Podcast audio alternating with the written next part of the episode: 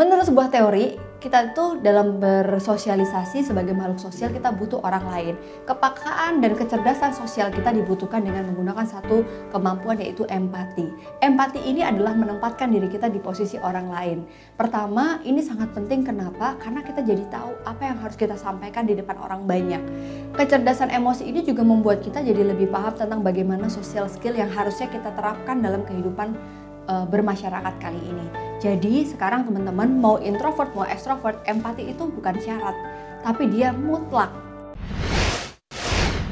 Assalamualaikum teman-teman, ketemu lagi di Antasa Channel dan seneng banget nih ya untuk semua respon positifnya Itu artinya teman-teman itu mulai sadar bahwa ini loh kita sama-sama membutuhkan ilmu tentang psikologi dan juga kesehatan mental.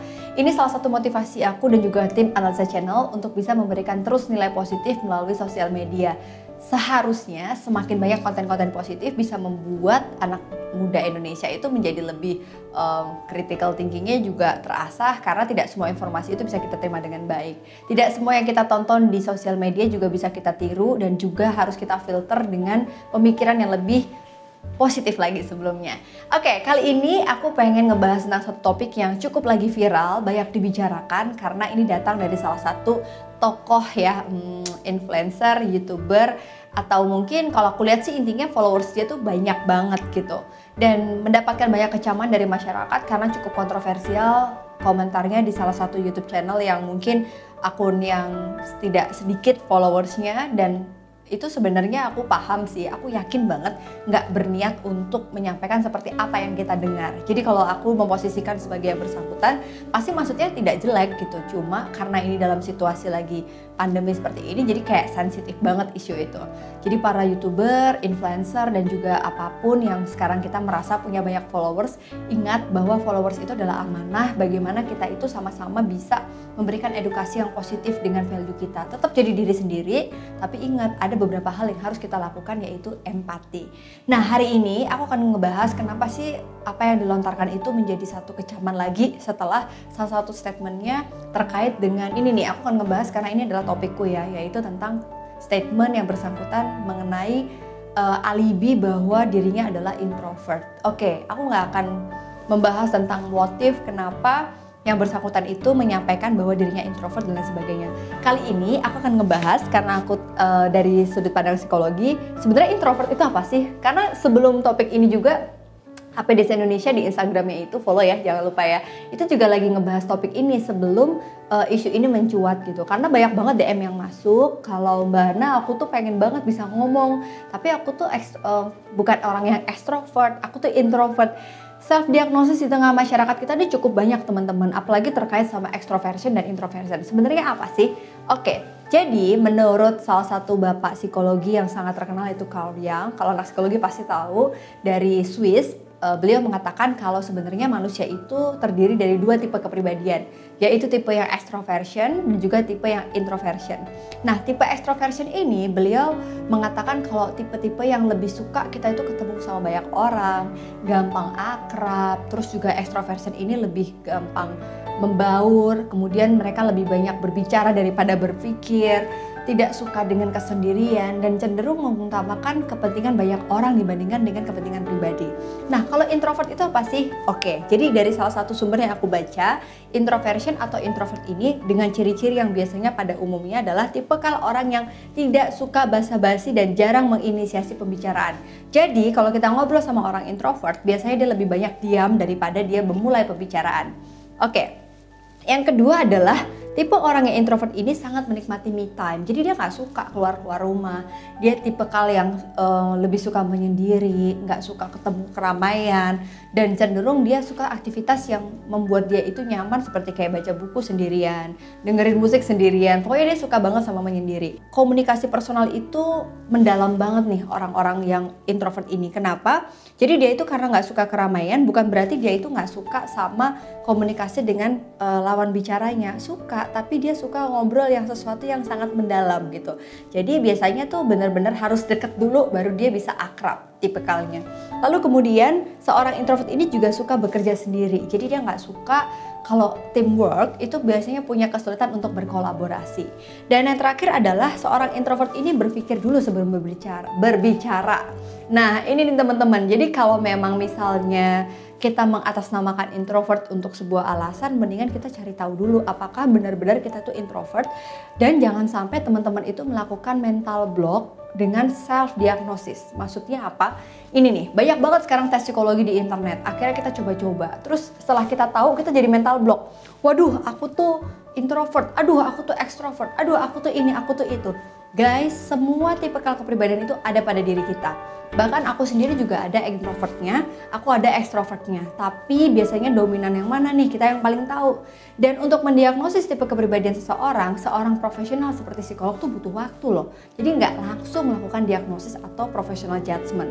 Jadi di sini please deh teman-teman tolong dipikirkan kalau kita e, melakukan self diagnosis kita akan lihat dulu sumbernya dan validitasnya kalaupun sudah valid dari sumber yang memang benar, teman-teman harus ingat bahwa ini jangan sampai membuat kita tuh mental block. Artinya kita merasa bahwa ya aku kan emang kayak gini, ya udah aku nggak mau berubah. Menurut sebuah teori, kita itu dalam bersosialisasi sebagai makhluk sosial kita butuh orang lain. Kepakaan dan kecerdasan sosial kita dibutuhkan dengan menggunakan satu kemampuan yaitu empati. Empati ini adalah menempatkan diri kita di posisi orang lain. Pertama, ini sangat penting kenapa? Karena kita jadi tahu apa yang harus kita sampaikan di depan orang banyak. Kecerdasan emosi ini juga membuat kita jadi lebih paham tentang bagaimana sosial skill yang harusnya kita terapkan dalam kehidupan uh, bermasyarakat kali ini. Jadi sekarang teman-teman mau introvert mau extrovert, empati itu bukan syarat, tapi dia mutlak gitu. Jadi wajib kita punya sebagai manusia individu yang bersosialisasi. Artinya sekarang teman-teman banyak kok introvert yang mereka bisa melakukan adjustment atau penyesuaian diri dan sukses. Banyak juga extrovert bisa dibayangin deh kalau dua orang extrovert semua, satu atasan, satu bawahan ngomong semuanya ya udah gontok-gontokan gitu tapi gimana kita melakukan self adjustment atau penyesuaian diri ini yang dibutuhkan empati dan kecerdasan emosi lainnya ini juga menjadi salah satu faktor utama. Ada empat komponen teman-teman. Kecerdasan emosi menurut Goldman yang pertama adalah self awareness sadari kalau kita merasakan sedih marah kecewa. Jangan deny. Accept itu kalau sudah, kita regulasi, self regulation, kita manage. Kalau kita mau marah, gimana caranya supaya kita nggak marah berlebihan, sedih berlebihan, happy berlebihan. Artinya kita bisa regulasi emosi kita. Yang ketiga, empati tadi, gimana kita memposisikan sebagai lawan bicara kita. Bisa dibayangkan di setengah situasi pandemi ini, kalau kita membicarakan sesuatu yang sangat sensitif, apakah kita tidak pernah memposisikan diri kita sebagai pasien, keluarga pasien, tenaga medis, apa yang akan mereka rasakan kalau kita menganggap hal ini adalah bercandaan doang.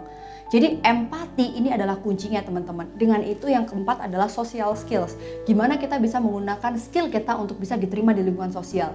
Jadi sekarang please guys untuk siapa pun itu bahkan aku pun kalau ada kesalahan dalam membuat konten, aku mohon maaf sebesar-besarnya tapi tidak ada niat cuma aku benar-benar minta tolong semua influencer please pikirkan semua konten yang mau kita sebarkan Pertama, empati tadi itu penting banget teman-teman. Nah, sekarang kalau kita mengalami satu mental block itu harus seperti apa?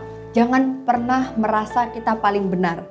Sehingga kalau kita merasa paling benar dan merasa bahwa diri kita ya udah dari sono emang gue begini nggak bisa berubah, itu artinya kita fix mindset. Kalau begitu, kita merasa masukan orang lain adalah ancaman. Kalau kita merasa masukan orang lain ancaman, artinya kita nggak mau belajar, nggak mau lebih baik lagi. Dan yang paling penting adalah orang-orang yang fix mindset biasanya dia gengsinya tinggi banget untuk minta maaf. So kalau memang kita salah, please say sorry. Apa sih susahnya? Manusia itu tempatnya salah. Aku pernah bikin salah satu kontenku. Kalau kita emang salah ya udah, aku salah.